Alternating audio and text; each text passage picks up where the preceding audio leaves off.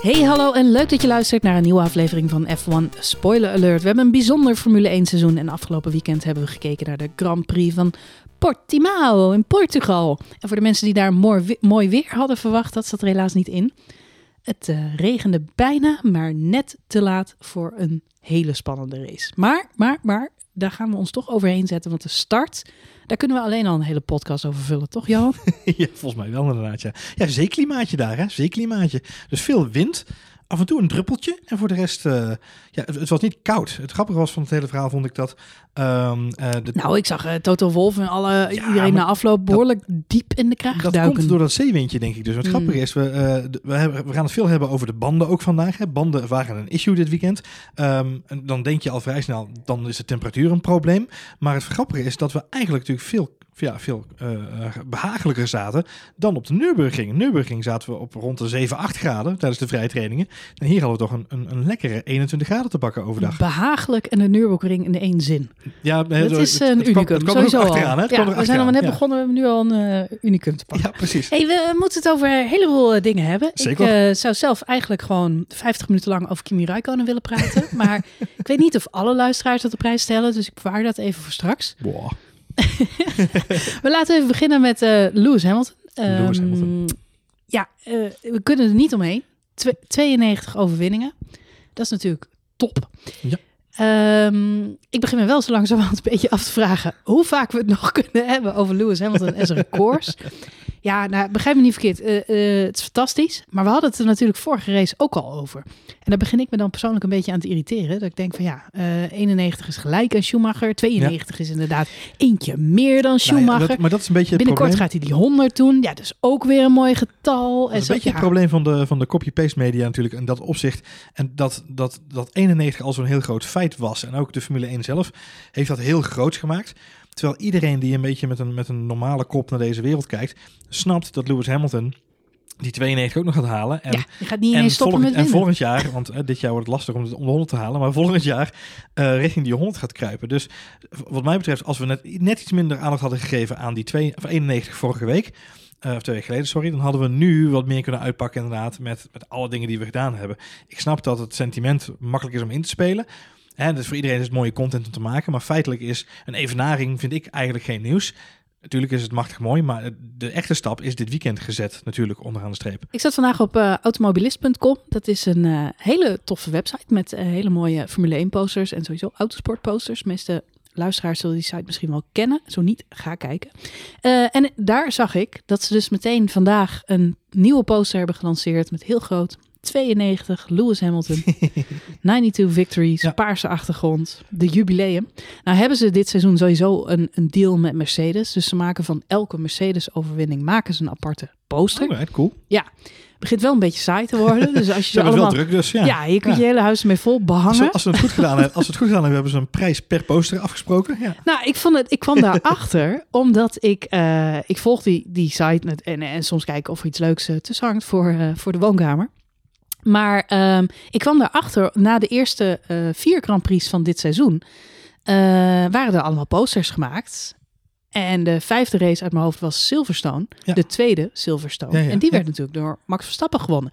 Dus ik maandag weer naar de website. Ik denk, nou, het zou er dan ook zo'n mooie jubileumposter zijn. Hè? Ik dacht, de connectie is misschien 70 jaar Formule 1. En ze exact, maken van elke race een, uh, een poster. Maar dat was niet het verhaal. Ze, het is exclusief alleen de Mercedes-overwinningen. Nou. Dus als je op zoek bent naar een originele Pierre Gasly op, uh, op Monza-poster, die bestaat dus helaas niet. Niet bij automobilist.com. Nee, nee, ik moet eerlijk zeggen, ik zat vandaag weer naar die site te kijken. En uiteindelijk dacht ja, zak er maar in. Want ik, zelfs jullie site begint nu saai te worden. Weet je wel? Ik wil, kom op, hoeveel Mercedes kun je op één website proppen? Ja, ja, ja. Het is gewoon, ja, uh, nou goed. Nou ja, goed, dit is verhaal natuurlijk een beetje dat we, hoe vaak gaan we het er nog over hebben? Je, je, je zegt dat terecht.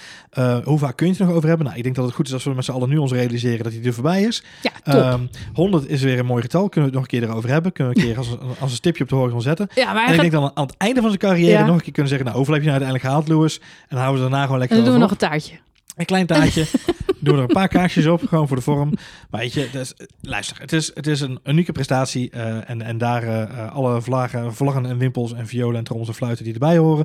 Ah, we zijn, ja. het, het is nu wel even klaar. Ja. We zijn er nog niet vanaf dit seizoen. Want hij zit op 97 pole positions. Klopt. Uit ja. mijn hoofd, toch? Klopt. Ja, nee. Dus, eh, gaat hij dit jaar nog halen. Pole position hebben we Ja, dit jaar weer een feestje. Dus. Vijf, vijf de races op de nat. klok. Ja, dus dat, eh, dat moet wel lukken, denk ik Dat inderdaad. gaat gewoon nog gebeuren. Wat ik leuk vond is dat ehm, Max Verstappen in de persconferentie na afloop, die is hier ook naar gevraagd. Eh, wat vind jij er nou van? Nou, die was ehm, complimenteus, Ja. zoals we hem de laatste tijd wel vaker zien naar Lewis Hamilton. Eh, stak van wal met eigenlijk een hele ja, serie opmerkingen dat hij het echt belachelijk indrukwekkend vond. En dat hij nog behoorlijk zijn best moest doen om dit te gaan evenaren ooit. Ja. Hij zegt het leuke is, ik heb wel perspectief. Hij maakt ook nog een opmerking over Kimi Räikkönen. Hij zegt, nou, als ik hè, bewijs dat je tot je veertigste door kunt gaan. Eh, dus dat er nog wel even iets in het vat zit. Ik heb Ja. nog een paar jaartjes om, eh, om het te evenaren. Maar het wordt wel een hele, hele, hele lastige. Wat ik grappig vond aan die, aan die eh, dialoog eigenlijk op de persconferentie was dat Max ook zinspeelde op het feit dat Lewis eh, ook naar Max toe al een aantal opmerkingen erover gemaakt had. Eh, eh, want hij had kennelijk ook tegen Max Stappen gezegd dat hij zo hard bleef pushen om te zorgen dat het voor Max Stappen heel lastig zou worden om in de buurt van zijn record te gaan komen. Dat had, dat Lewis Hamilton dus zo naar hem gezegd. En dan had eh, Max Stappen zei inderdaad van we gaan makkelijk over de 100 heen. En eh, ik moet door tot na mijn 40ste wil ik er überhaupt bij in de, boord, in de buurt komen. Dus eh, het is gewoon machtig, machtig. Wat ik heel tof vond van Max, ik weet niet of je dat ook had gezien, maar een van de vragen die hij kreeg is, nou allemaal hè, tof natuurlijk, hartstikke leuk en je hebt nog wel even te gaan.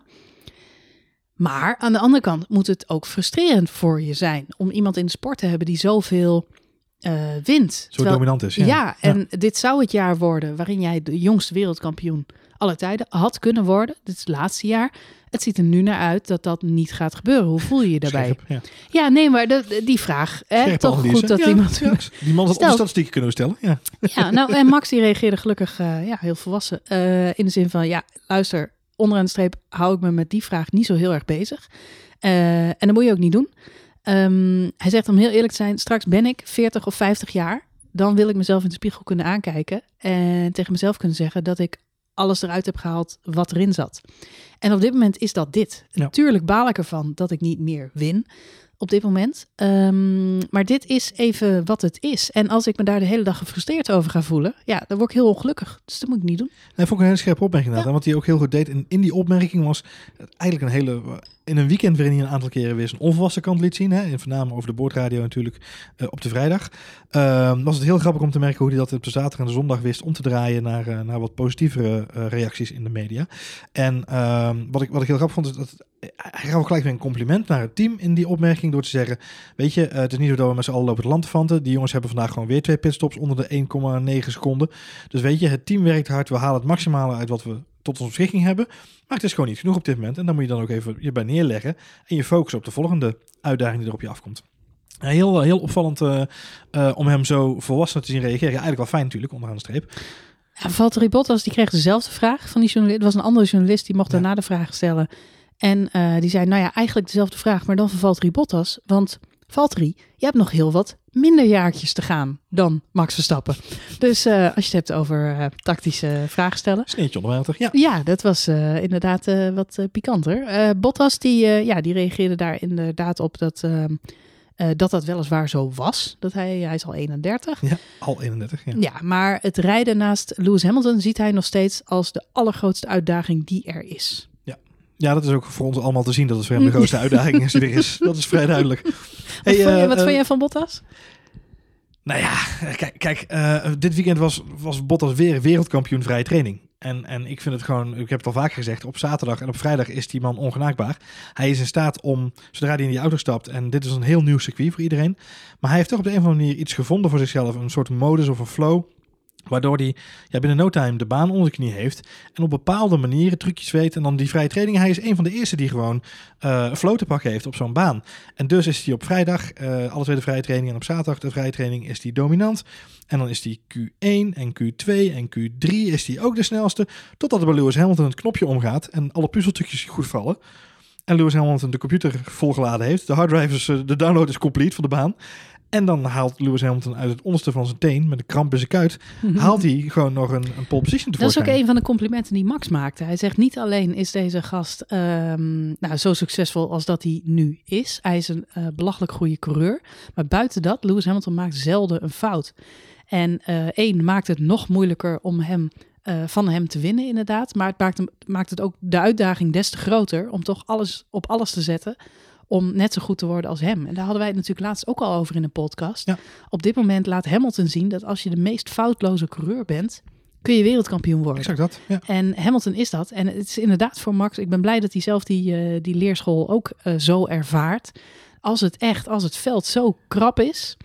eh, met, met echt een heel groot megatalent. Eh ja, dan kom je er niet mee, mee weg dat jij de minste fouten maakt. Kijk, we hebben ook hele andere seizoenen gezien.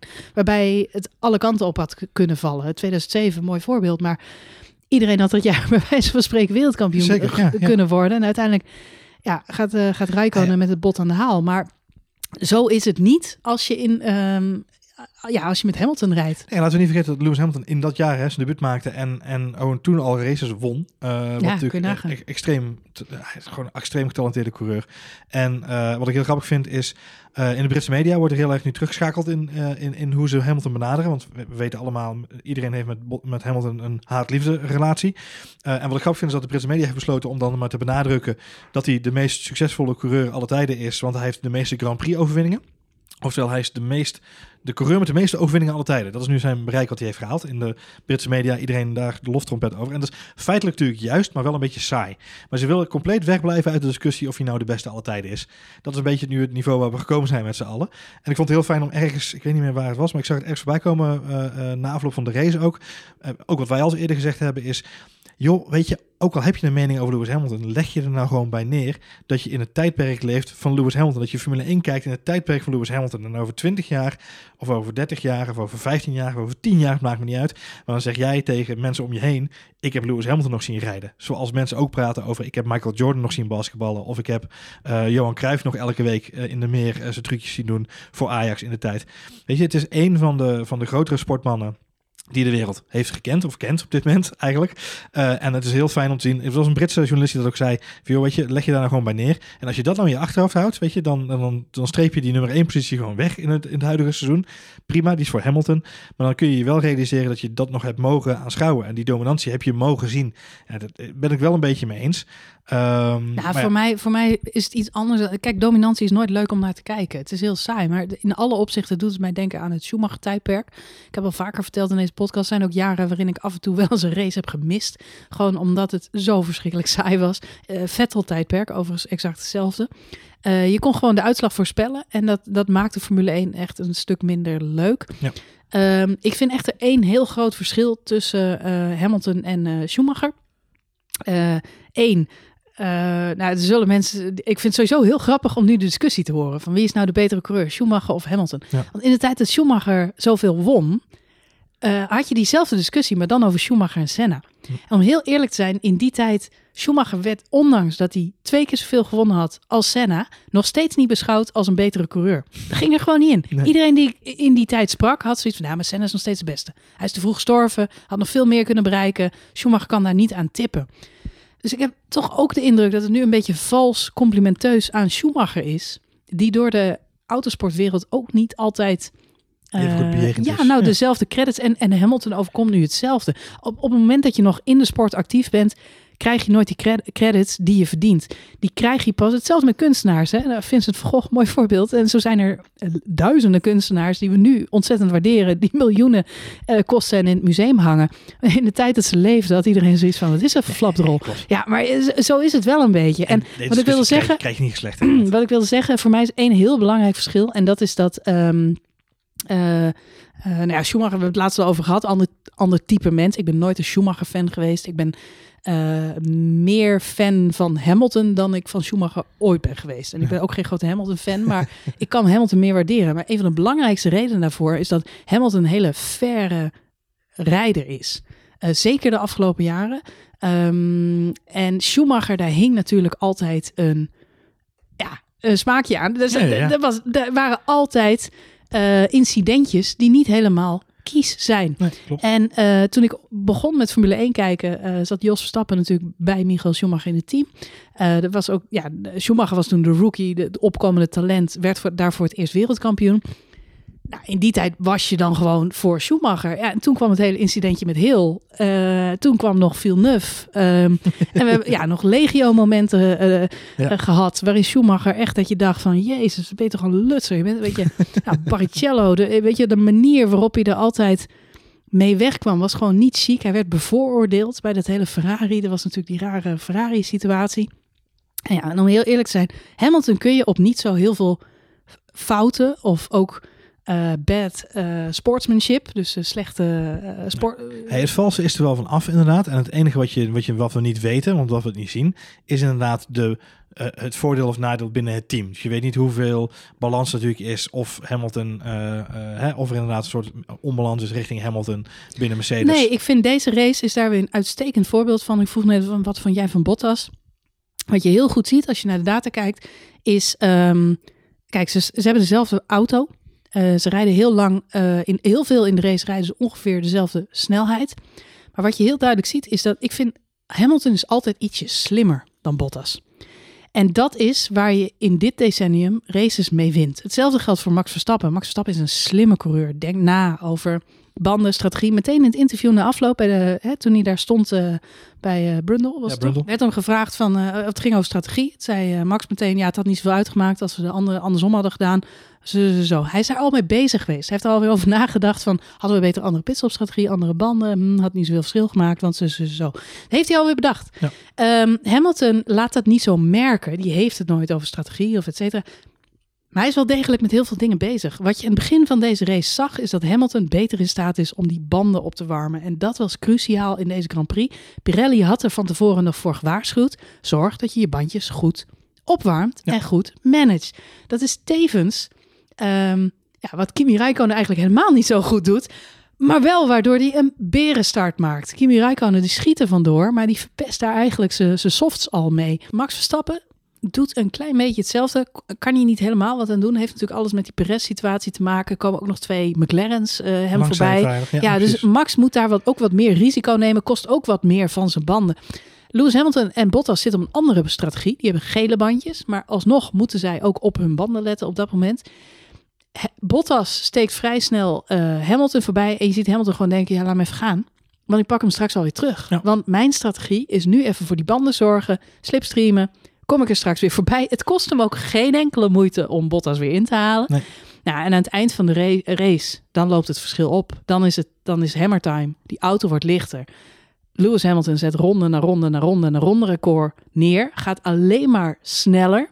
En Bottas die zie je wegglijden. Langzamer, langzamer, langzamer, langzamer. Max Verstappen is in de laatste 20 rondjes net zo snel als Valtteri Bottas. Exact, zelfde rondetijden. Die rijdt gewoon op een snelheid van de Mercedes. Weet je wat ik daar uh, interessant aan vond? Is dat um, een van de dingen waar we het net al even over hadden, is dat inderdaad Valtteri Bottas heel snel in staat is om op die vrije trainingen zo'n flow te vinden. Hè? Zo, dat parcours te verkennen en dan te mm -hmm. weten waar die, waar die dingen kan doen en wat hij wat die doet. Mm -hmm. Ik zie Valtteri Bottas ook vaak als een soort uh, robotachtige of een computerachtige. Hij, hij mapt heel snel, oké, okay, hier doe ik dat, hier doe ik dat. Hier kan ik dat doen. Dit is dan een rondje. Hier kan ik dat. Dit is gaspunt daar. Blablabla. Hij maakt het rijtje voor zichzelf compleet. En dat heeft hij onder de knie. En daar gaat hij op oefenen, verbeteren, slijpen, slijpen, slijpen. Wat de kwaliteit is van Lewis Hamilton, ook van Max Verstappen overigens in hetzelfde rijtje, en nog een paar andere mensen uh, uh, deze, deze race, is adaptievermogen, jezelf kunnen aanpassen, aanpassingsvermogen tonen. En een van de dingen waar Bottas vaak last van heeft, is als het even tegen zit, een regendrupje of een windvlaag. Of een bij. Een bij die zijn voorhoofd aantettert. Nee, uh, maar met name... Nou ja, uh, Hamilton kan er ook wat van. Maar met name in deze race de wind. En het grappige is, in de laatste fase van de race draait de wind en wordt hij wat sterker. En je hoort iedereen klagen. Hé hey jongens, is de Gusty, uh, pick the wind up. Russell zegt het, Verstappen zegt het, Hamilton zegt het.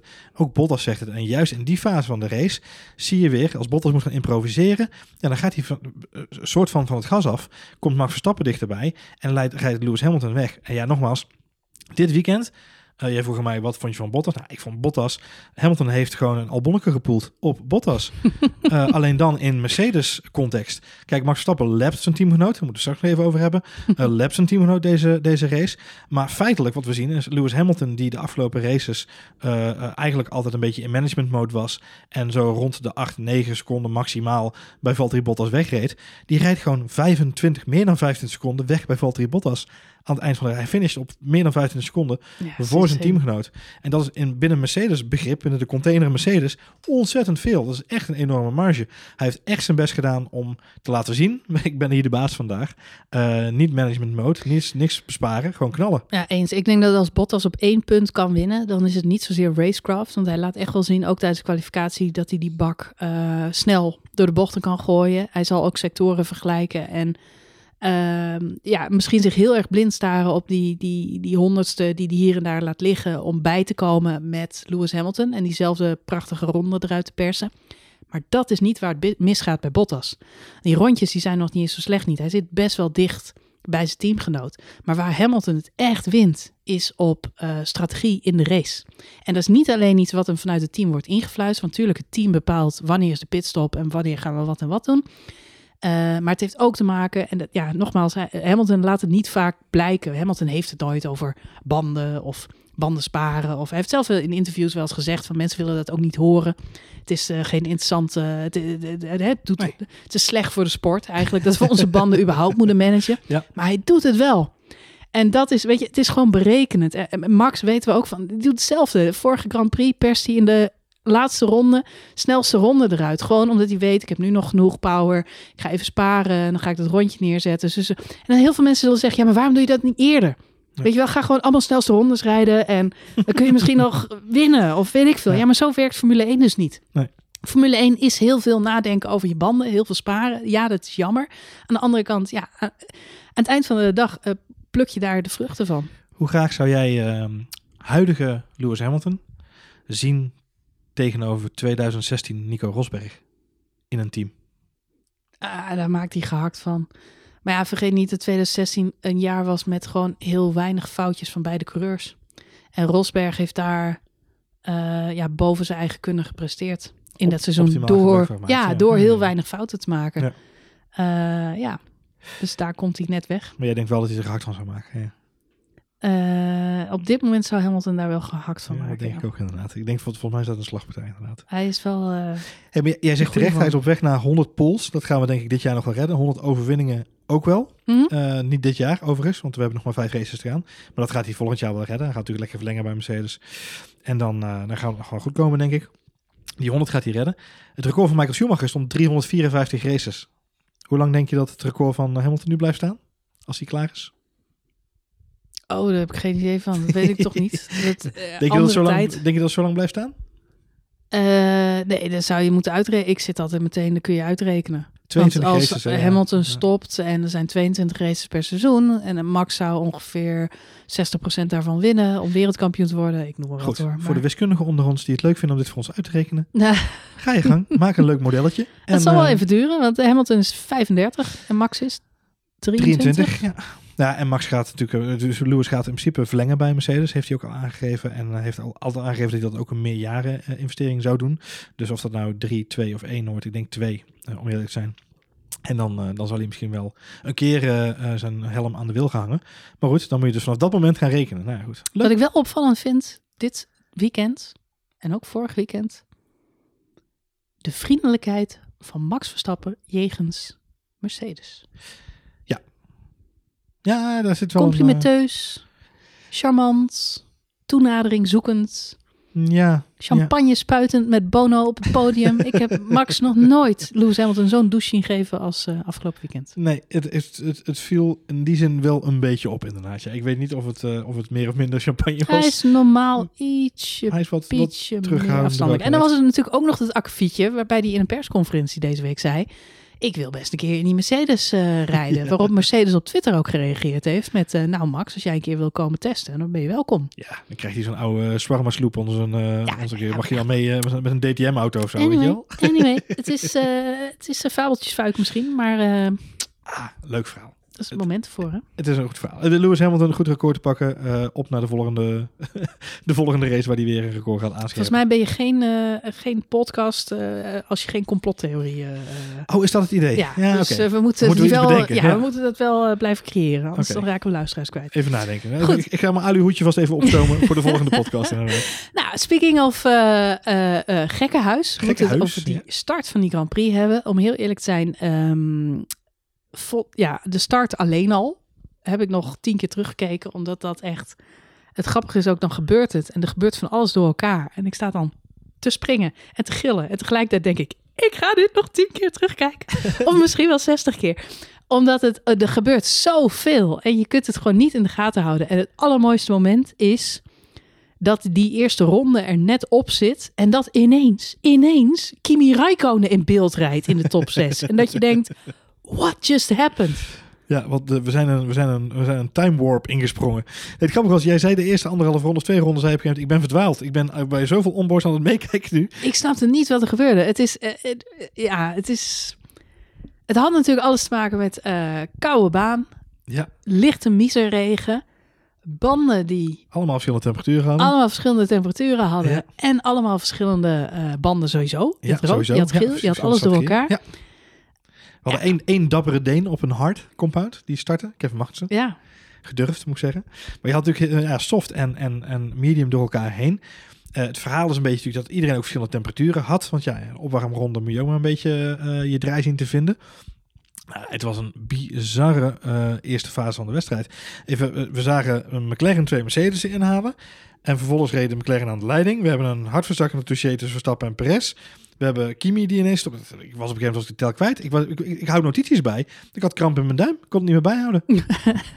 nou, ik hoop niet dat je tijdens de start notities had te maken. Dat, uh... nou ja, dat probeerde ik. Ja, ik heb, ik heb het teruggelezen. Echt... Ik heb het teruggelezen. ASDF.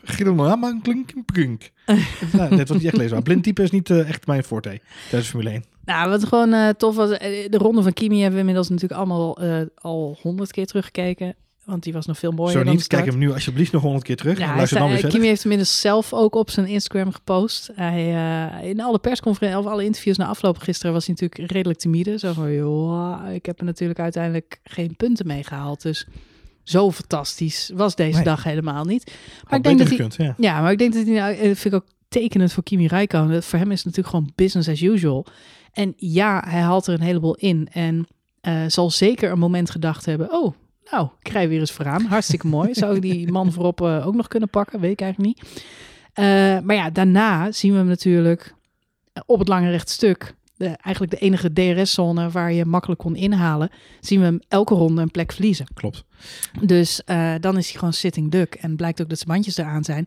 En is hij de eerste die een reguliere pitstop maakt in rondje 11. Rondje 11 al. Ja. Waardoor hij uiteindelijk ook nog heel lang op die gele band moet rijden. En dat breekt hem aan het eind van de wedstrijd gewoon op. Uh, want dan, ja, dan zijn die banden gewoon niet goed genoeg om Nee. nog uh, Nee, klopt. Hij, om die tiende plek te Grappig, halen. Kimi zei zelf na afloop van de race dat hij niet zo goed snapte wat die andere coureurs allemaal aan het doen waren. Want hij reed gewoon zoals hij altijd gewend was om te rijden. Dus ja, dat zegt misschien meer over Kimi's rally-ervaring, zoals Max Verstappen al zei, dan misschien over die andere coureurs. Ik weet het ook niet. Maar goed, de reden, de reden voor al die verschillen zijn een beetje tweeledig. We hadden het al even over de, de bandencompounds. Wat is nu het verhaal? Um, uh, je hebt dus de verschillende compounds, soft en, en, medium. Dat is al een verschil. Maar dan heb je ook nog het verschil in, in de temperaturen die de coureurs inkrijgen. En dan is het zo dat die softs, die waren redelijk snel op temperatuur te krijgen. Kimi Räikkönen en Max Verstappen bijvoorbeeld. Uh, en ook uh, Carlos Sainz starten op softs. eigenlijk starten bijna het hele, de hele top 10 op softs, behalve Mercedes. heel simpel gezegd. Um, die softs zijn binnen 1 à 2 rondjes, inclusief de opwarmronde, zijn die op, op, uh, binnen de window van, van handelen. Dan, hebben ze het, dan zitten ze in het vlak van temperatuur waar ze eigenlijk optimaal presteren. Alleen het probleem was, zodra je dat gedaan hebt, dan moet je die band ook gelijk heel goed gaan managen. Want als die ook maar iets te veel warmte krijgt of juist iets te koud is, dan krijg je graining, korreling op de, op de band. En dat is heel slecht, slijt hij heel snel. En dan moet je inderdaad snel naar binnen. Die mediums, ja, daarvan was het probleem dat het wel zo'n ronde of 4 tot 6 kon duren voordat je daadwerkelijk um, de temperatuur erin had om het maximale eruit te halen. Dus bijvoorbeeld Mercedes, uh, Valtteri Bottas en Lewis Hamilton, ja, die hadden gewoon in die eerste paar rondes het probleem dat die banden gewoon niet op temperatuur te krijgen waren.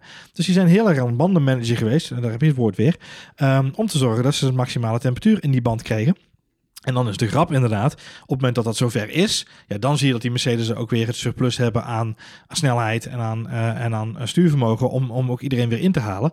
Uh, en pakken ze eigenlijk in zo'n beetje ronde 20 volgens mij is de orde weer hersteld. Maar volgens mij in ronde, ronde 8 hebben ze al de boel, de top 3 alweer in, in, in de vaste volgorde. En dan zie je vanaf dat moment zie je langzaam maar zeker het hele veld weer stabiliseren. En een beetje terugkomen in waar het hoort.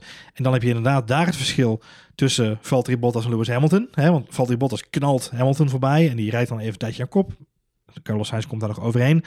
Uh, maar Bottas heeft in de beginfase, als zodra hij die, die band op temperatuur heeft, geeft hij heel veel gas en hij wil heel hard er vandoor, want hij wil voorsprong opbouwen. Terwijl Lewis Hamilton zoiets had, heeft hij ook gezegd na afloop. Joh, ik blijf even laid back, ik wacht even totdat ik mijn grip heb en dan ga ik mijn race, mijn, mijn, mijn ronde opbouwen, mijn rondetijd laten, laten aflopen, om zo maar te zeggen. Dus ja, die hele opbouw van hè, Valtteri Bottas, Lewis Hamilton, waar we het net al even over hadden, dat is wel een heel groot verschil. Nou, dat zie je bij de softs eigenlijk hetzelfde. Kimi heeft heel veel uh, verbruikt aan het begin, gaat in ronde 11 uh, al naar binnen, terwijl Max Verstappen, even uit mijn hoofd, uh, Max Verstappen gaat in ronde 23 volgens mij naar binnen. Um, en gaat dan van de softs naar de mediums. Maar heeft dan eigenlijk ja, bijna 12 rondjes meer gereden dan Kimi Räikkönen op dezelfde band. Maar Mhm. gewoon puur omdat hij net iets minder uh, uh, verbrand heeft, om zo maar even te zeggen, in die eerste stint. Nou, dat verschil, ja, dat zagen we in die eerste ronde natuurlijk.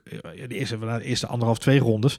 Ja, was dat natuurlijk een soort comedy capers naar je, waar je naar zat te kijken. Omdat het verschil zo groot was in al die temperaturen en al die, die uh, uh, uh, snelheden die ze hadden, konden maken met die band. Ja, dat het gewoon, dit was iets wat ik al jaren niet meer gezien had in de Formule 1. Zo, zoveel inhaalacties en zoveel glibberen en glijden in die, in die eerste het was, het was wel tof. Ik moest inderdaad bij Kimi Räikkönen gelijk denken aan zijn rallyervaring. Die heeft natuurlijk professioneel rally gereden. Hij is niet alleen omdat hij een Fin is en dat in zijn DNA zit. Nee, dat is um, gewoon, dat, gewoon het wil voor een merkverkeer is wel rally rijden. Ja, daar, dat, toch? is, ja, dat ja, is sowieso ja. uh, uh, het geval. Dus uh, nee, ja goed, maar er was natuurlijk, ja, als je het rondje ook ziet, het is alsof de rest gewoon allemaal aan het slip en sliden is en hij gewoon grip heeft. Ja, ja maar dat is het Ehm, verhaal ook. Hè? Dat, dat, iedereen die, die een beetje verstand heeft van de sport, en meer dan ik, zeg ik altijd maar erbij, um, die, die zeggen ook allemaal, sommige mensen zagen eruit als enorme superhelden, terwijl de anderen eruit zagen als enorme nono's. Zelfs, zelfs de topcoureurs die we allemaal uh, super goed vinden, die hadden moeite met die banden, of met die eerste ronde. Dat heeft niks te maken met alleen maar talent. Dat heeft ook te maken met ja, hoe goed is je band op dat moment. Dus dat zegt er heel, het, maakte alles een beetje askew. En ja, Kimi Räikkönen had kennelijk, terwijl Kimi Räikkönen natuurlijk geen super uh, fameuze bandenopwarmer is. We kennen allemaal het fragmentje van Kimi Räikkönen die tijdens de opwarmronde gewoon in de rechte lijn het rechtstuk afrijdt, terwijl iedereen aan het zigzaggen is. Kimi is natuurlijk geen fameuze bandenopwarmer, maar kennelijk heeft hij iets goed gedaan in die, in die warm-up ronde. Ja. Ja, het was sowieso een race waarin strategie gewoon heel bepalend was. Want wat jij al zegt, je had een paar grote winnaars en je had eh, ja, een paar losers. Uh, Kimi Räikkönen enerzijds echt genoten van, van zijn start. En fantastisch natuurlijk gewoon. Um, ja, daarna vroege pitstop, vernachelt eigenlijk zijn race. Zien we hem nog wel even uh, vechten op, gedurende de wedstrijd. Op een gegeven moment heeft hij nog tof gevecht met Carlos Sainz binnendoor, buitendoor. Dus echt een smaakmaker van, van deze wedstrijd. Maar tegelijkertijd, ja, door zijn strategie. Uh, ja, komt hij uiteindelijk op die elfde plek te, terecht. Ja. Lennon Norris race ook eigenlijk verprutst door uh, de twee-stopper die hij moet maken. Hij heeft natuurlijk ook ja, hè, dat incidentje met de Stroll. Precies, hij moet hem maken, ja. Ja, hij moet hem maken, maar het valt me voor de zoveelste keer op sinds ik die boordradio's een beetje volg, dat uh, Lennon Norris af en toe wel heel paniekerig in die auto zit. hij zegt, maar thuis on, thuis on. Ja. En dan moet hij echt op dat moment, uh, dus als de crash ook, of, of die, dat akkefietje met Lens Sol aan de hand is, zegt hij meteen, I got damage. Dus dan is het inderdaad meteen naar binnen rijden, terwijl je achteraf kunt zeggen, ja, uh, als het nodig is, dan was het nodig. Maar ja, het zet nu wel een strategie voor hem neer. Maakt een tweestopper. Waarmee hij kansloos is in de rest van de wedstrijd. Maar het verschil het beste ziet. En het is natuurlijk altijd leuk om naar um, teamgenoten te kijken. Het zit in hetzelfde materiaal. Nou, we hebben het al veel over gehad. Dat bij sommige teams zijn de verschillen heel erg groot. Het team waar het verschil deze race niet zo heel erg groot was, was um, Renault redelijk onzichtbaar gereden. Ja. Uh, wat wel zo was, is dat uh, Ricciardo startte op de tiende plek. Esteban Ocon op de elfde plek. Mm -hmm. Ricciardo, die is op de softs gestart. En die ging natuurlijk ook uh, naar Q3. Uh, omdat hij die. Uh, en daardoor moest hij op die soft starten. Ocon ja. heeft dat niet gehad. Die mocht dus zelf kiezen. Die is op de mediumband gestart. Die twee hebben dus tota die hebben tegenovergestelde strategie van elkaar gereden. Ze hebben allebei een één-stopper gemaakt. Uh, Ricciardo heeft een kort stuk gedaan, 14 rondjes en toen aan de gele band. En uh, Ocon die heeft uh, precies andersom gedaan. Die heeft 53 rondjes op geel gereden. En alleen het laatste stukje heeft hij nog even nieuwe softs gepakt. Even, en nog een keer herhalen, 53 rondjes op geel. Ja, maar dat is niks vergeleken bij Kimi Räikkönen. Die doet er geloof ik 56.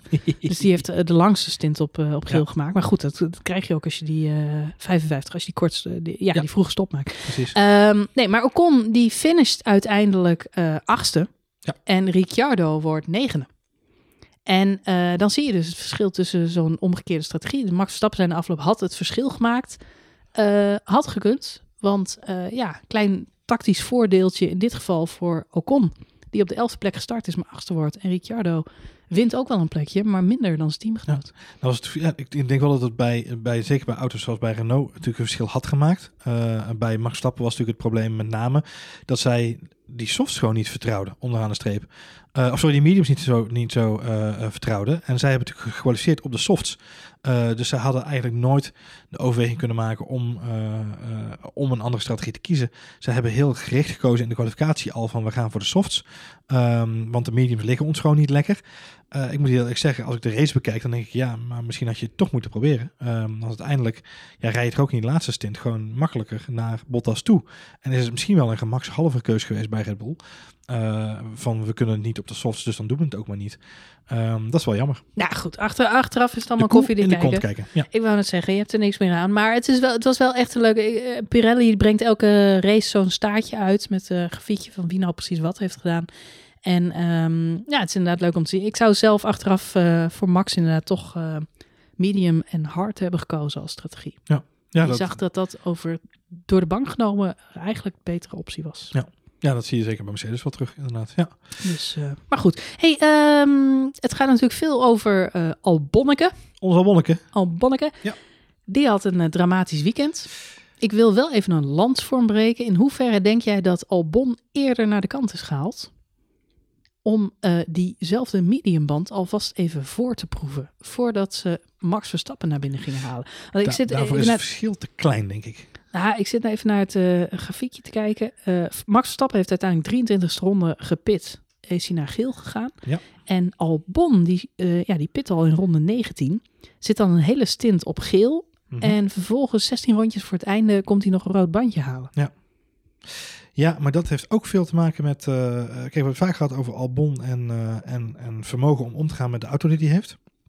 Um, we hebben het net ook al gehad over de, het gedrag van de banden. Dus ik, ik, ik zie waar je heen wil. Um, maar ik weet niet helemaal zeker. Kijk, 19 om 23. Hè, de eerste pitstop van, van Albon, 19e ronde. Van Max Verstappen komt 23e ronde binnen. Um, ik heb niet het idee dat dat echt een, een proefballonnetje is geweest, om zo maar even te zeggen. Daarvoor is het eigenlijk te kort. Want wat, wat we net al zeiden, voordat je die band op temperatuur hebt, ben je vier tot vijf ronden verder. Dus Max zit eigenlijk al in die opwarmronde, in die opwarmfase van die, uh, van die band zit die, komt hij ook al binnen. Uh, en, en, wat je eigenlijk ook ziet aan het einde van die, van die uh, stint, is dat hij naar binnen gaat op softs. Met andere woorden, die banden waren gewoon ja, niet, niet, niet zijn smaak, om het zo maar even te zeggen. Eens. Wat ik wel opvallend vind, is dat Albon dus wel voor een tweestopper kiest, ook daar. Uh, Kimi finisht voor hem. Ze krijgen allebei geen punten, dus maakt onderaan de streep geen snars uit. maar bij Alfa Romeo zeggen ze gewoon, we blijven rijden en we kijken wel even wat schipstrand. Ja. Uh, bij Red Bull hebben ze hem natuurlijk ook wel twee keer naar binnen getrokken. Ja, dus ik wel te kijken. Rijkonen gaat twee keer naar nieuwe banden en uh, Giovinazzi gaat ook naar nieuwe banden. Uh, maar die gaat ook naar hard, zie ik. Uh, Giovinazzi bij Alfa inderdaad. Maar kijk, Albon is drie keer is gestart op gebruikte banden, heeft gebruikte mediums gereden. Dus waarschijnlijk is dat ook een van de redenen waarom hij niet de hele race daarop kon uitrijden. En heeft nog aan het einde nog naar een setje gebruikte softs moeten gaan. Ja, al met al, weet je waar het niet zo heel erg goed boekdelen over spreekt, want dat is misschien een andere lans die we voor moeten breken, is ik vind het heel vreemd om te zien dat Verstappen nog een setje nieuwe mediums heeft liggen om die stap wel te kunnen maken. Albon dat niet meer heeft. Um, wat daar de reden van is, heb ik nu even niet paraat. Maar ik vind het wel vreemd dat het team er niet voor zorgt dat die jongen gedurende de race een paar nieuwe banden heeft liggen. Wat we feitelijk nu terugzien is dat Albon de hele race op gebruikte banden gereden heeft. Ja, dat is natuurlijk sowieso nooit echt uh, optimaal voor je prestaties. Nee, dat is uh, zeker niet uh, optimaal. Maar goed, ondanks dit verzachtende, deze verzachtende omstandigheden denk ik dat Albon gewoon echt een dramatisch weekend had. Dat mocht natuurlijk niet gebeuren. Hij had eigenlijk nog twee races tijd gekregen om zichzelf te bewijzen. Ja. Ik denk dat we heel kort kunnen zijn dat heeft hij dit weekend niet gedaan. Hij heeft zichzelf geen dienst bewezen, nee. Nee, nee ondanks dat hij natuurlijk ja, qua pitstops uh, uh, niet echt uh, geholpen is door zijn team. Um, ja, was het gewoon ook niet goed genoeg. Dat zie je trouwens ook als je naar zijn rondetijden kijkt. Hij zit gewoon ver, ver, ver achter het gemiddelde van Max Verstappen. hij komt ook nergens aan voorbij. Hij haalt niemand in. Hij zit ronde na ronde achter Rijkonen. Dan denk je, ja, hij, hij, is snel. Maar met een Red Bull moet je dat toch uh, kunnen doen. Ja, wanneer is Albon zijn? Ronde 19, hè? Ja, ronde 19 zeiden we. Ronde 19. Ronde 19 komt hij achter Rijkonen terecht. En daar is hij niet meer uit weg geweest. Nee, dus het, het houdt gewoon niet over. En kijk, Perez, er zijn veel mensen die zeggen, nou, Perez driver of the day. Ik begrijp het, want uh, hij ligt laatste. Naar eh, die eh Touché met Verstappen, ja. Aan het begin van de wedstrijd, dan komt hij helemaal terug. Aan de andere kant moet je wel zeggen, hij wordt daar natuurlijk ook wel een beetje geholpen door het feit dat je als je aan het begin van de wedstrijd achteraan moet rijden, heb je eigenlijk een soort safety car situatie. moet je die hele achterhoede opnieuw inhalen. Nou, dat doet hij keurig. Geloof ik dat hij zeven coureurs gewoon op eigen Ongeveer, eh, merit, zeg maar, weet in te halen. Aan de andere kant wordt hij daarna, daarna natuurlijk wel geholpen door het feit dat iedereen eh, nog moet stoppen. En hij heeft zijn stop dan al gehad. Hè? Hij heeft nieuwe mediums eronder. Precies. Ja, dus eh, knap. Eh, maar goed, aan de andere kant moet je zeggen, Pe- Perez doet het wel. Die had, pakte wel een paar. Albon, die zie ik gewoon niemand inhalen. Nee, wat grappig is, jij zei net, Lando Norris die is het slachtoffer van zijn, van zijn strategie, omdat hij noodgedwongen naar een tweestopper moet. Eh, die heeft ook een, die heeft dan met de collega van, van Perez een akkefietje, waardoor hij gedwongen naar een tweestop moet. Hetzelfde geldt voor Perez, die heeft met Max Verstappen dat akkefietje, alleen dat heeft hij al in de eerste ronde. Waardoor hij eigenlijk al vrij snel naar die mediums toe kan. Nou, we hebben net er al over gehad, die kunnen vrij lang mee. Wat dat gaat was de slijtage vrij laag. En dan heeft hij er ineens een voordeel van, want dan, ja, als je ook de statistiek terugkijkt, hij, wordt, hij haalt al zijn plekken in door middel van pitstops van zijn conculega's, om zo maar te zeggen. Eens, eens. Grote vraag is wel, wat gaan we nu met Albon doen? Wat gaat er gebeuren? Eh, Bek en veren, nee. Ja, maar eh, eh, Nee. er zijn een aantal scenario's. Het wordt nu veel besproken. Wat is er allemaal mogelijk? De kans is groot dat Albon volgend seizoen teruggaat naar Toro Rosso, uh. Houden we er gewoon in, gewoon mensen. in. Ja, hoor. Eh, dat hij terug gaat naar AlphaTauri. Dat zou ook betekenen dat uh, Tsunoda nog een jaartje moet wachten. Fiat neemt afscheid. Uh, maar ook Pierre Gasly, die dit weekend een dijk van een race reed. Ja. Voor de zoveelste keer. Ongelooflijk. Die staat nog niet op het wensenlijstje bij Red Bull. En Christine Horner is daar vrij uitgesproken over geweest. Nou ja, hij heeft gewoon knetterhard gezegd... Op dit moment hebben we de coureur die we zoeken naast Max Verstappen niet in onze renstal. Dus als we een, vervanger moeten zoeken voor Albon, dan moeten we buiten onze renstal gaan zoeken. Nou, we hebben het er zelf al over gehad. Nico Hulkenberg en Sergio Perez worden daar gewoon heel erg genoemd. Uh, het geeft inderdaad een heel, heel lelijk signaal naar Pierre Gasly. Die eigenlijk bij uh, AlphaTauri laat zien dat hij in staat is om... We weten allemaal dat hij snel is en dat hij goed kan racen. Alleen hij laat nu ook zien dat hij aan die snelheid ook stabiliteit kan koppelen. Want hij laat de afgelopen races gewoon heel goed zien dat hij in staat is om elke keer weer gewoon goede rondes neer te zetten en goede races te rijden. En hij eindigt deze week op de vijfde plek in een Alfa Tauri. En hij weet gewoon uh, uh, op de baan, want hij weet met inhalen, niet zozeer met pitstops, maar met inhalen, Renault, McLaren en Racing Point achter hem te laten. Weet je wat ik eigenlijk heel raar vind, Johan? We hebben het nou al weken over dit... Uh... Over dit akkefietje. Ja. Nee, dit wie moet waar. Ja. In de gewone menswereld zou je toch eerst even laten zien wat je kunt. Kijk, een cv'tje alleen is niet genoeg. Als je heel veel kandidaten hebt en heel veel mogelijkheden... en daar hangen potentieel miljoenen, miljoenen, miljoenen af van deze deal... Ja. dan zet je toch iemand even eerst in die auto... laat je ze allemaal een rondje doen. Ja. Eigenlijk is het gek dat dat... Uh... Ja, maar zo werkt de sportwereld helaas. Weet je, Cristiano Ronaldo is ook niet eerst een paar keer meetrainen bij Juventus... voordat hij die overstap maakte. Ja, maar ja, dat is eigenlijk gek. Ja, dat is ook heel gek. Maar ja, zo, weet je... Ja, ik, ik stel de vraag, omdat ik me... Uh, ik, een van de dingen die Christine Horner nu gezegd heeft is dat uh, de reden dat ze Gasly niet terug wil halen naar Red Bull, is dat de Red Bull auto een hele andere auto is dan de Alfa Tauri. Hij is op een bepaalde manier gebouwd, hij is lastig te besturen, het is een moeilijk apparaat. Ja. Max kan daar goed mee omgaan, alle andere coureurs die naast hem zitten op dit moment niet. En dat is de reden dat Horner zegt, laat Gasly maar lekker frontman blijven bij Alfa Tauri, hij doet het hartstikke goed daar. Uh, en ik denk na afgelopen weekend denk ik ook, Gasly blijf lekker zitten waar je zit. Je zit in een hartstikke fijne auto. Waarom zou je godsnaam weg willen? Je kunt daar gewoon uh, uh, ja, de leider van dat team zijn. De bedoeling is sowieso al om Alfa Tauri wat meer op gelijke hoogte te krijgen. Ze zijn echt uh, nou, goede middenmotor dit seizoen. Ze rijden niet in de achterhoede. Dus ja, als ik Gasly was, zou ik ook zoiets hebben van... ik heb hier mijn plek en ik heb het naar mijn zin. Ja. Dus lekker laten zitten. Maar wat ik wel gek vind is... als je Hulkenberg een keer... ik bedoel, als het zo'n moeilijke auto is om te besturen... zou je eigenlijk Hulkenberg een keer een testritje willen maken... Perez twijfel ik zelf heel erg aan. Ik denk niet dat dat een match is met Max. Uh, het zou natuurlijk kunnen, maar ik, ik ja goed. Ik, ik, persoonlijk ben ik geen fan. Ik ben geen fan van Perez. Ik vind nee, Perez ja. deze race ook weer uh, te veel risico nemen. Nog steeds. En hij is een ervaren coureur, maar hij neemt te veel risico op stomme plekken. En dat bijt hem toch wel heel vaak. Uh, zijn achterste. Ja, aan de andere kant is Perez van de twee coureurs, als je ze naast elkaar zet, naast eh, Hulkenberg naast Perez, dan is Perez wel degene die in staat is om op de gekke momenten toch ineens een sprong te maken naar het podium. En dat is natuurlijk iets wat Hulkenberg uh, fameus heeft laten zien dat hij dat niet doet. dat hij dat niet kan inderdaad. Nee, en om die reden, ik twijfel ook heel erg aan Hulkenberg. En sinds dit weekend denk ik, waarom laat je Kimi niet een keer die auto uitproberen? Ja, leuk. Maar ja, Kimi die wil alleen als hij eh, op woonwerk afstand van een kwartier zit. Hè? Dus dat, Ik, en ik denk dat dat hetgene is wat onderaan. Want Kimi heeft nog niet getekend bij eh, Alfa Romeo. Nee, dat zou heel grappig zijn inderdaad. Er zijn natuurlijk een aantal dingen die spelen. Kimi zou heel grappig zijn overigens. Dat vind ik wel een uh, outfield uh, gedachte. Hij heeft natuurlijk voor Red Bull gereden in de In de rally. rally uh, heeft ja, hij ook uh, bij een Red Bull team Dat vind ik wel een mooi inderdaad. Ja, nee, dat zou terecht zijn. Uh, Kimi naast Max. Ja. Ah, het, zou, het zou heel grappig zijn. Maar ik, communicatie sluiten ze, vullen ze elkaar wel lekker aan, zeg maar. Meer dan Ah, ik denk- Max zeg maar als dan ik- als ik- voor Kimi. als ik Kimi zie rijden, iedereen is nu lyrisch over Kimi's openingsronde. Om heel eerlijk te zijn, als je Kimi zijn onboard kijkt tijdens de race, is gewoon een genot om met die man mee te rijden. Überhaupt zijn, ja, zijn rijstijl, de lijnen die hij kiest, eh, de moves die hij maakt, hoe die, hoe die soms verdedigt, soms aanvalt, hoe die ruimte laat. Het is gewoon een hele ervaren, goede, goede racecoureur. Dus blijf het zeggen, het is gewoon doodzonde dat die man niet in een betere auto zit. Aan de andere kant, dat is natuurlijk Kimi's ding. Het is niet voor niks de James Hunt van onze generatie. Het zal hem allemaal worst wezen. Ja. Voor hem, het is letterlijk een hobby. Hij, wat je zegt, hij woont daar in Zwitserland. Eh, hij rijdt, hij stapt in de auto, dan rijdt hij naar zijn circuit toe. Dan rijdt hij een paar rondjes. Hij vindt het hartstikke leuk hoor. Daarna wil hij weer in de auto stoppen en, en naar zijn vrouw en kinderen toe. Dit is mijn favoriete, mijn favoriete moment uit Drive to Survive van vorig jaar. Het moment dat Kimi in beeld komt en uitlegt waarom hij dit doet. Waarop hij zegt, ik hoef dit helemaal niet te doen. Nee, Ik vind het leuk om te doen. Het, het is een hobby. voor me, maar ik hoef het voor mijn werk niet te doen. En dat is natuurlijk een nadeel. Als hij bij Red Bull gaat rijden, dan, ja, hij weet zelf ook, Red Bull is een mediahuis en extra filmpjes en ditjes. En da- daar heeft hij helemaal geen zin in. Hij zit daar prima bij Alfa Romeo, juist omdat hij niks hoeft.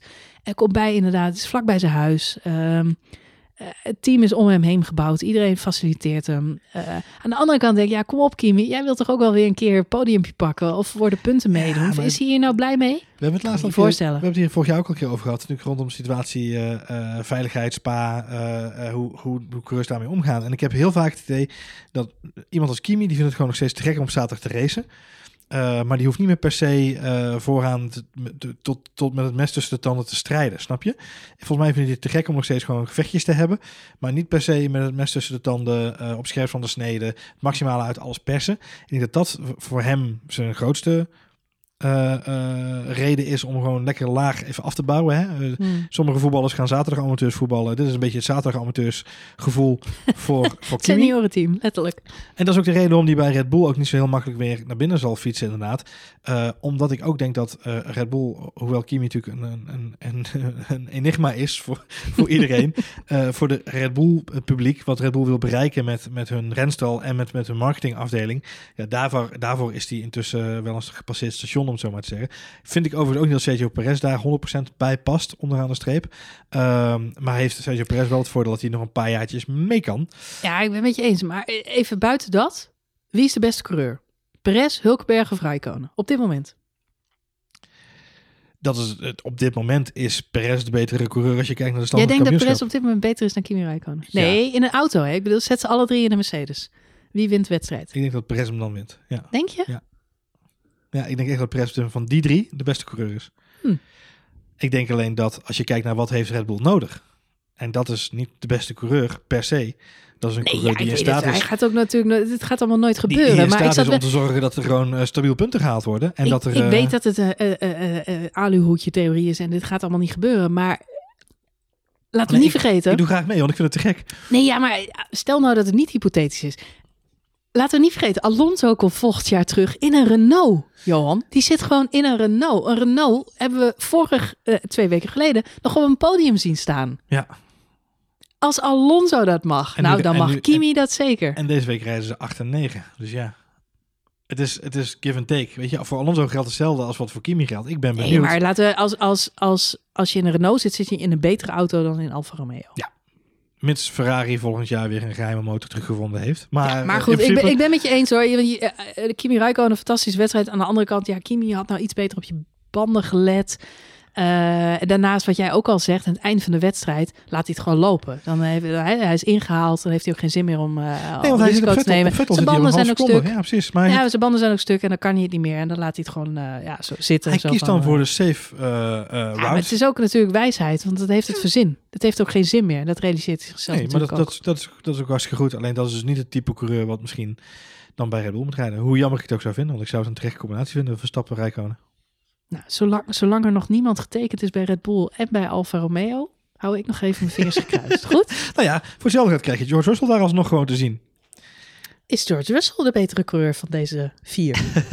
Ik weet niet of George Russell de betere coureur is van deze Dat vier. denk ik niet hoor. Ik denk dat Kimi Räikkönen gehakt maakt van George Russell. Ik denk dat het leuk is van George Russell dat hij eh, eh, heel veel potentie heeft en dat hij heel jong is nog. En dat dat wel leuk is. Dat, hij, dat ze gewoon een, een meerjarenplan kunnen aangaan. Hebben Russell en Räikkönen natuurlijk al vaak in gevecht gezien dit seizoen. Ja, dat is om en om. Dus dat is een beetje lastig inschatten. Ah jongens, ondanks dat eh, eh, Hamilton alles wint en eh, hartstikke op weg is naar ja, eigenlijk zijn zevende wereldtitel, vind ik toch dat we naar een erg leuk seizoen aan het kijken Ja, zijn. ik heb toevallig dat ik dat nog, van de week nog tegen iemand zei, of ik schreef het ook in de nieuwsbrief, dat ik zei van joh, het- ik blijf het herhalen. Als je kijkt in wat voor wereld we leven, wat we ervoor moeten doen om dit voor elkaar te boksen en dan wat we dan ge- voorgeschoteld krijgen, ja, is, het, is het eigenlijk bizar. Dat hadden we met z'n allen in maart en in, eh, en in april en in mei en in juni niet kunnen voorzien. Dus eh, nee, ik vind het een terecht seizoen naartoe. En eh, ja, dat eh, genoeg te En beleven. hebben we de Pepernoten Grand Prix nog niet eens gehad, joh. De Pepernoten Grand Prix moet nog komen, jongens. Ja. Zullen we naar de puntjes? Puntjes.nl. Puntjes, Ja. puntjes.nl. Let's do it. Eh, we beginnen natuurlijk met de winnaar van deze wedstrijd, Lewis Hamilton. Lewis Hamilton krijgt maar een 9,5. Ja, voor mij ook. Het begint eh, net zo saai te worden als de Ja, raceuitslag. precies. Valtteri Bottas. Valtteri Bottas krijgt van mij een zeventje. Ja, voor mij ook een 7 inderdaad. Hey, kom Eh, op nou, Marjolein. ja, Dit kan beter. sorry. Ja, we moeten dit item eh, anders Max gaan doen. Verstappen. Controversiële meningen. Ja, precies. Eh, Max Verstappen. eh, een 8. Een 8. Oh, Ja. maar krijgt hij toch een 9. Ja, nee, goeie, ja, goede race. Ja, Ja, kon goed. ook niet veel meer doen. Charles Leclerc. Charles Leclerc. heb ik een 9 gegeven, joh. Marjolein, hou nou op. Ik ook. Ja, jeetje. Oké. Nou, eh, Pierre Gasly, daar gaan we vast verschillen. Pierre Gasly, 9 9,5. Kijk, kijk, krijg mij een 8. Oh ja? Gewoon puur omdat het moet. ik kan niet nog een keer een 9 zeggen. Carlos Sainz Carlos Sainz. Junior. Carlos Sainz junior. Hè? Niet te verwarren met Carlos Sainz senior. Carlos Sainz krijgt van mij een 7. Reed een dijk van een, eh, van een eerste ronde. Maar heeft daarna gewoon eh, eh, niet de slimheid om, om de top te blijven houden. En eindigt dan uiteindelijk veel te laag, naar mijn gevoel. Had veel hoger kunnen uitkomen met zijn, met zijn auto. Nou, voor mij krijgt hij een 8. Goeie goed. wedstrijd. Mooi dat hij de leiding gewoon pakt als hij de kans ziet. Was natuurlijk ook die Grand Prix in, in Monza, Ja. waar die achter Gasly eh, aan het vechten was. Ik Ja, vind het heel tof om dit seizoen echt de racer Carlos Sainz los te zien komen. Wat ik ook sowieso heel grappig vind als je de McLaren-coureurs een beetje volgt. In dat team is het echt stuivertje wisselen. De ene race is Carlos Sainz echt eh, held van de wedstrijd. De andere race Lennon Norris ineens steen en steen goed. Ehm, ja, nou, dit weekend was het aan Sainz. Wat ik grappig vond, ik heb ook een notitie gemaakt. Ik was me wel even bij aan het zoeken, maar ik heb een notitie gemaakt tijdens de race. Dat we een gevecht hadden tussen Daniel Ricciardo, Carlos Sainz, Pierre Gasly en Sebastian Vettel. En toen zei ik van, dit was een gevecht wat we allemaal hadden willen zien. Alleen het ging om P7 in de race op dat moment. Ja, Dus, eh, het zijn natuurlijk allemaal coureurs waarvan we gehoopt dat ze allemaal wat hoger zouden meedraaien op dit moment. Eh, Vettel en, eh, en, en Ricciardo, eh, wat mij betreft, voorop. Dus het is jammer dat ze nu inderdaad zo wat lager mee knokken. Maar het zijn wel gevechten die we zien in de achterhoede. Dus dat is, of in het middenveld moet ik zeggen. Dus dat is wel leuk om te zien inderdaad. Ja, ben ik wel met je eens. Goed. Eh, Sergio Perez. Sergio Perez. Nou maar, ik ben heel benieuwd naar jouw punt voor Sergio Perez. Eh, ik krijg van mij 7. Een 7. Eh, ja, hij krijgt van mij een 8. Ik denk dat we een hoop boze luisteraars hebben, want hij was wel driver of the day. Ja. Ja, ik weet niet hoeveel stemmen daarvan uit Nederland kwamen hoor. Naar aanleiding van die eerste ronde. Ik wou het zeggen. Dat invloedt toch altijd een beetje mijn opinie. Maar eh, nee, nee, om heel eerlijk te zijn, eh, eh, knap dat hij zo'n stuk terugkomt. Maar ik vind het wel een beetje geflatteerd door het feit dat het hem ook een beetje in de kaarten speelde. Dat hij zo'n vroeg pitstop maakte. Klopt. Ehm, moet je nog steeds wel mensen inhalen. En dat heeft hij hartstikke goed gedaan. Maar hij had na- daarna natuurlijk ook nog het akkefietje met ehm Perez. Ja. Nee, sorry, niet met Perez, met eh, Ocon. eh, Ocon. Nee, Nee, met Gasly. Gasly. Ze hebben alle Fransen gehad zo'n beetje. Ja. Jongen, jongen, jongen. Met Gasly, ja. Ja, waar hij dat. ook nog een officiële waarschuwing Met Ocon had hij heel mooi gevecht. Ja, Dat, was eh, leuk. En ook wel fair racing, goede, goede racing dat, zag, ik- van dat was Ocon. een heel tof gevecht inderdaad. Ja. Het was lang geleden dat we Ocon een keer in... Ja, in race mode hebben Ocon gezien. eindigt gewoon voor het eerst eh, boven zijn uh, teamgenoot weer Ja, sinds speaking lange of tijd. which, welk cijfer geef je Ocon? Ocon krijgt van mij een, uh, een 7,5. Hij kan een 8. Kijk, Dat is goed. voor het eerst dat hij volgens mij van mij een 8 krijgt dit seizoen. Dus eh, hij was op tv. ja, Dat is wel heel wat. misschien zal het misschien voor het laatst zijn, je weet het niet hè. Ja. Daniel Ricciardo. Eh, Daniel Ricciardo krijgt van mij een zeventje. Ja, ik had ook een 7. Sebastian Vettel. Krijgt van mij een zesje. Oh, nou, ik, eh, ik geef hem toch een 7. Want hij pakt toch eigenhandig die tiende plek en dat ene puntje. Ja, dat, het, het, voordeel is wel, we zien aan Ferrari nu dat ze op de. Eigenlijk is Ferrari nu zo'n beetje waar ze volgens mij hadden moeten zijn aan het begin van het seizoen. En, ja, en, weet je wel. ehm, dat is wel een beetje zonde eh, dat ze er nu pas zijn. Eh, maar het betekent wel dat in ieder geval hetgene wat ze nu aan het doen zijn, zorgt er wel voor dat ze verbeteringen hebben. De verbeteringen zijn wel allemaal raak. En ik kan me nog herinneren dat ze wel eens vaker updates deden of, of nieuwe eh aero-updates meebrachten, dat dan de auto echt significant slechter werd. En op dit moment wordt die auto gewoon steeds beter. En volgens mij zijn ze nu op het punt waarvan we allemaal dachten dat ze zouden zijn, namelijk gewoon met Leclerc strak eh, in de top 4. Eh, misschien nog een beetje in de van Max Verstappen. En ja, Vettel zou dan eigenlijk iets hoger moeten staan. Maar aan de andere kant, deze auto ligt hem gewoon niet. En als je hem dan toch naar de 10 weet rijden, nou vooruit. Je hebt hem een 7 gegeven. Vooruit. Ik ga hem een 7. Eh, Charles Leclerc, eh, inderdaad, of, eh, wat ik grappig vind, Charles Leclerc rijdt een beetje in dezelfde positie waar Max Verstappen vorig jaar zat. Vierde plek. Max heeft natuurlijk al die seizoenen moeten vechten met twee Mercedes'en en twee Ferraris. En dan maar hopen dat er een paar uitvallen of dat hij ze kan pakken om een podium te pakken. Ja. Dit seizoen heeft hij natuurlijk de mazzel tussen aanhalingstekens, maar ook zijn eigen rijderskwaliteiten. dat Ferrari er niet bij is. En dus is Max eigenlijk altijd degene die de derde en soms de tweede plek eh, kan pakken. Ja. Eh, maar Leclerc, moet je wel zeggen, die is er toch heel vaak eh, als de punten voor de vierde plek verdeeld worden. Dus Ja. hartstikke goed. Dat gezegd hebbende, eh, valt mij wel op dat eh, de rondetijden van meneer Vettel en meneer Leclerc niet zo heel erg ver uiteen lagen. Met name niet aan het eind van de wedstrijd. Begin Nee. van de wedstrijd is Leclerc wel sneller. Vettel zit er natuurlijk ook wat ver naar achter. Eind van de wedstrijd is Vettel gewoon de snellere. Ehm, dus ja, eh, het is niet zo dat hij geen snelheid in die auto weet te vinden. Nee. Eh, heeft natuurlijk ook te maken hè, met de positie in het klassement. Vettel is op dat moment nog hard aan het racen voor positie. eh, terwijl voor Leclerc is op dat moment al een redelijk gelopen wedstrijd. Dus die Ja. kan het rustig aan gaan doen. Dan nog, eh, Vettel weet wel degelijk de snelheid in die auto te vinden. Maar door zijn slechte kwalificatie komt hij eigenlijk niet zo heel veel verder in de race. Je, je, je vecht waar je kwalificeert was de uitspraak, toch? Dat Ja. is eh, Het verhaal is wel een beetje bij Ferrari, en dan, dan, dan moeten we dat segmentje toch even afstaan. Volgende keer een apart segmentje Ferrari opnemen. Maar het, het grappige is wel bij Charles Leclerc, ik vind- moet heel eerlijk zeggen, eh, hij presteert elke week beter dan wat die auto eigenlijk kan. En dat is iets wat we Max natuurlijk ook vaak meegeven. Daar geven we Charles Leclerc eigenlijk te weinig mee. Want, weet je, kijk naar het kampioenschap. Charles Leclerc staat op dit moment gewoon vijfde in het kampioenschap. In een auto die niet competitief was. Tot de afgelopen twee races misschien. De eerste updates die Ferrari weer gedaan heeft eh, dit jaar. Eh, die er ook echt een, significante bijdrage leveren aan de prestaties van de auto. Ehm, maar staat desalniettemin toch gewoon vijfde in het kampioenschap met 75 punten. Slechts vijf punten achter op Daniel Ricciardo, die vierde staat. Sebastian Vettel staat met 18 punten op de 12e, eh 13e plek in het kampioenschap. Dus dat verschil is enorm. Dus Charles Leclerc is echt op dit moment eh, eh, misschien wel in een betere vorm dan dat hij vorig jaar was. Alleen hij heeft het materiaal niet om te laten zien wat hij ermee kan. Dat is ja, best wel teleurstellend voor de jongen, denk ik. We gaan door met Kimi Räikkönen. Kimi Räikkönen krijgt van mij een 8,5. Een 9. Ja, dat dacht ik al. Het enige minpuntje is dat hij geen punten had. Ja, dat is waar. Daarom kreeg hij mij een 8,5. Nee, dat is niet waar. Alexander Albon, Alexander Albon, een 5. een 5. Ja, bij mij kreeg hij een 4. Zo. Ja, Alexander Albon heeft vorig weekend doorgekregen wat hem te doen stond. Ehm, dat is voor het eerst dat Red Bull dat doet. En als je er dan zo op reageert, ja, dat is gewoon echt, echt heel erg zuur. Je ziet hem in die openingsronde, zie je hem compleet wegvallen. Ehm, hij komt dan vervolgens ook gewoon niet meer terug in de race. Eh, en ja, weet je wat je het beste kwalijk kunt nemen? Het gaat niet alleen om deze race, eh, de beslissing die genomen moet worden. Want hij haalt in de afgelopen drie races maar één punt. Dat is gewoon echt niet goed genoeg voor een Red Bull coureur. En wat allerbelangrijkste is eigenlijk onderaan de streep, wat ik echt heel kwalijk van deze race is, je komt na een pitstop terug op plek 12, achter Kimi Räikkönen. En daar daar blijf je zitten. Je, komt niet, je komt niet vooruit, je komt niet achteruit. Uh, we hebben geen enkele uh, moment van breien gezien, uh, brieën gezien bij deze coureur. En ja, dat is gewoon, weet je, ik vind het geen goed signaal. Ik vind het heel, Red Bull zal ervan balen, want die hadden zoiets van laten we dan maar een keer proberen of dan, dat dit dan wel werkt, een beetje peper in zijn reet. En dan is dit het effect. Ja, ik hoop, fingers crossed, dat hij op Imola wat kan doen en dat hij dan voor zichzelf iets in ieder geval eruit kan slepen.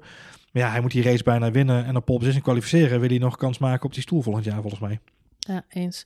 Eh, we gaan verder met eh Lando Norris. Lando Norris krijgt van mij een 7. Een 7. Nee, ik had een 6. Was niet echt eh Lando's race. Verliest uiteindelijk vijf plekken. Ondanks goede kwalificatie. Kwam ook naar die pitstops. Maar Ja. het was geen goede dag voor Ja. Lando Norris. Is natuurlijk redelijk benadeeld door zijn vriend Stroll, maar dat tezijde. George Russell. George Russell krijgt van mij een zeventje. Een 6. Had een slechte wedstrijd. Eh, hij startte 14e. Had je toch meer van verwacht. Eh, hij finisht uiteindelijk ook 14e. Enerzijds kun je zeggen, hij laat natuurlijk hoop coureurs achter zich. Maar hij wint geen plekken. Ik vind het een hele mooie om in een tijdscapsule te zetten en dan nog eens een keer op terug te kijken en dan eh, het tijdperk Williams te pakken. En dan te realiseren dat we op dit tijdstip zeggen, dat, eh, dit, dit tijdstip van het avontuur Williams zeggen, je had er meer van verwacht. En dat is alles te maken met, met George Russell onderaan de streep. Niet met die auto, maar met de coureur George Russell. Ik vind het heel grappig dat hij dat zegt. Ik denk namelijk hetzelfde en daarom krijgt hij van mij ook een 7. Omdat hij die auto op de 14e plek weet te houden. Die auto is niet goed, nog steeds niet. Uh, hij weet hem wederom dit weekend in Q2 te krijgen. Uh, en hij houdt hem op P14. En ja, weet je, hij outqualified een Ferrari. Uh, daar mag je zichzelf een schouderklopje voor geven. en vervolgens weet hij ook gewoon op de 14e plek te eindigen. Hij heeft nog een hele tijd op plek 11 en 12 gereden. Mm -hmm. Dus op, op de rand van de punten, volgens mij nog een tijdje zelfs tiende. Volgens mij zei hij zelf na afloop in een interview... het was typisch zo'n race waar te weinig mensen uit zijn gevallen. Ja, dat zei hij zelf niet, zei de interviewer.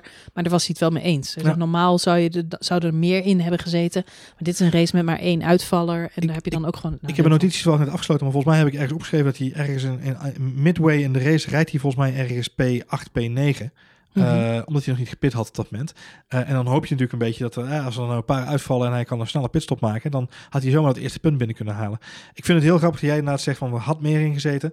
en dat is eigenlijk allemaal door George Russell, die natuurlijk dit weekend een rotstart had met al die roddels rondom zijn plekje bij, bij Williams. Dus ik ben, ja, best wel onder de indruk van het feit dat hij die auto gewoon op P14 weet te houden. Eens, goede motivatie, goede motivatie. Uh, Giovinazzi dan, ben je daar ook zo enthousiast over? Uh, nee. Oh, jammer. Giovinazzi krijgt van mij een zesje. Een zesje had ik ja. ook trouwens. Is, uh, is, ja, hoort daar te staan, staat daar en komt niet voor en niet achteruit. Nee. Nee, ja, maar op zich aardige race, maar ehm, onzichtbaar. Zeker. Kevin Magnussen. Ja, ik kan, ik zal Magnussen als Grosjean kan ik heel snel zijn, alle twee een zesje. Uh, Haas heeft gewoon de pech dat ze een auto hebben waar ze niet zoveel mee kunnen. Uh, het is niet de snelste auto op de grid. Het is ook niet de snelste auto van het achterveld onderaan de streep. Dus ook van de achterblijvers hebben ze natuurlijk niet de snelste bak. Dus kudo's voor het feit dat ze elke keer weer iets proberen. Dus deze week weer Magnussen die op een hardband start. Um, maar het is elke keer hetzelfde verhaal. Ze hebben ook, ook oké okay opleving ergens uh, begin van de race, slash uh, ergens halverwege. En zakken dan vervolgens weer helemaal terug. Dus uh, een zesje voor beide heren. En dan hebben we Latifi. Oh, sorry, ik sluit me daarbij aan trouwens bij ja, die twee zessen. Ja, dus, voor de mensen die meeschrijven. Ja, voor de mensen die meeschrijven. Ja, heel belangrijk. En Latifi? Latifi krijgt van mij een zesje ook. Een zesje, ja, ik had een vijf. Ik vond toch uh, weinig indrukwekkend. Hij is echt één na laatste. En dan hebben we alleen nog Daniel Kviat. Ja, die krijgt van mij ook een vijf. Die krijgt van mij een vier. Ik weet, pff, man, gaat nergens over. Nee, nee, ja, het is... Uh, hoe, hoe kan zijn teamgenoot een vijfde plek rijden terwijl hij laatste wordt? Ja, is dat ook niet... Een, uh, jij, jij zit in, de, in het hoekje strategie. Hoe is zijn, uh, zijn pitstop ja, Hij maakt twee pitstops en dat is best wel shit. En hij... Um, Wat een rare strategie ook. Hij gaat van, van medium naar hard. Nou, en dan zijn hards zijn al vernaffeld. De meeste, de meeste coureurs houden het best wel lang vol op die, op die harde band. Moet ja. ik wel bij zeggen, Fiat zat op gebruikte harde banden. Dus misschien dat dat hem uiteindelijk genekt heeft. Maar hij moet in die laatste paar rondjes nog stoppen. Hij is de allerlaatste pitstop van de wedstrijd, maakt hij nog. En daardoor valt hij gewoon helemaal terug. Het ook wel aangeeft hoe dicht het veld uh, dan nog op elkaar ja, zit. klopt.